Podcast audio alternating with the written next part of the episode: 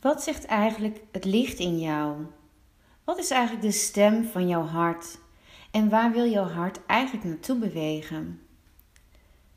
Het volgen van je hart is best ingewikkeld, omdat je daarin allerlei weerstanden tegenkomt in je gedachten.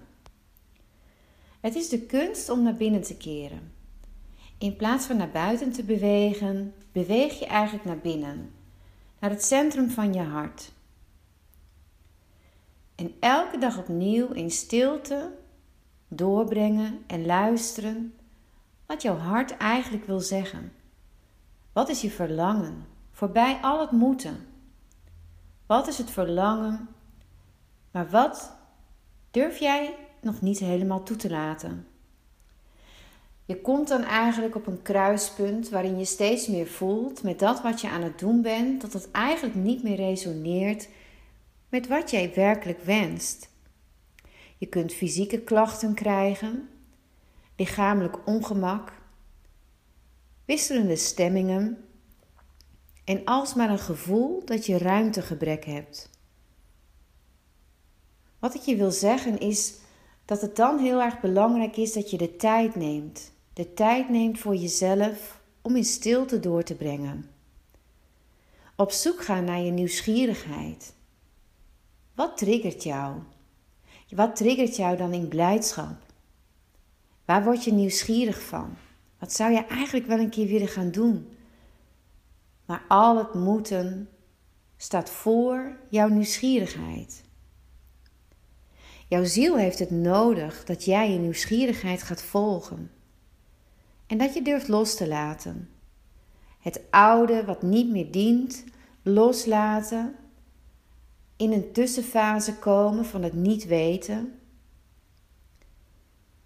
Wat misschien onzeker maakt, maar vanuit het niet weten zal het leven naar jou toe gaan stromen. Vaak zijn mensen gewend om hard te werken om ergens te komen of om iets te bereiken. En wat nu als ik jou zeg dat juist door het niets doen en tijd doorbrengen met jezelf en niets willen presteren, dat dan juist hele mooie dingen naar jou toestromen. En dan zal het vanzelf gaan.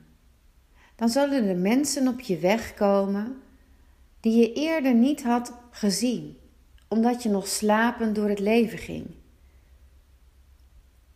Maar dan ontmoet je nieuwe mensen en nieuwe situaties. En ook dan kan het nieuwe geboren worden in jou. En weet ook dat jij in alles wordt ondersteund en dat deze tijd ook steeds meer gaat over dat jij moeiteloos volgt wat jouw hart en wat je ziel jou ingeeft, zonder nog hard te moeten werken.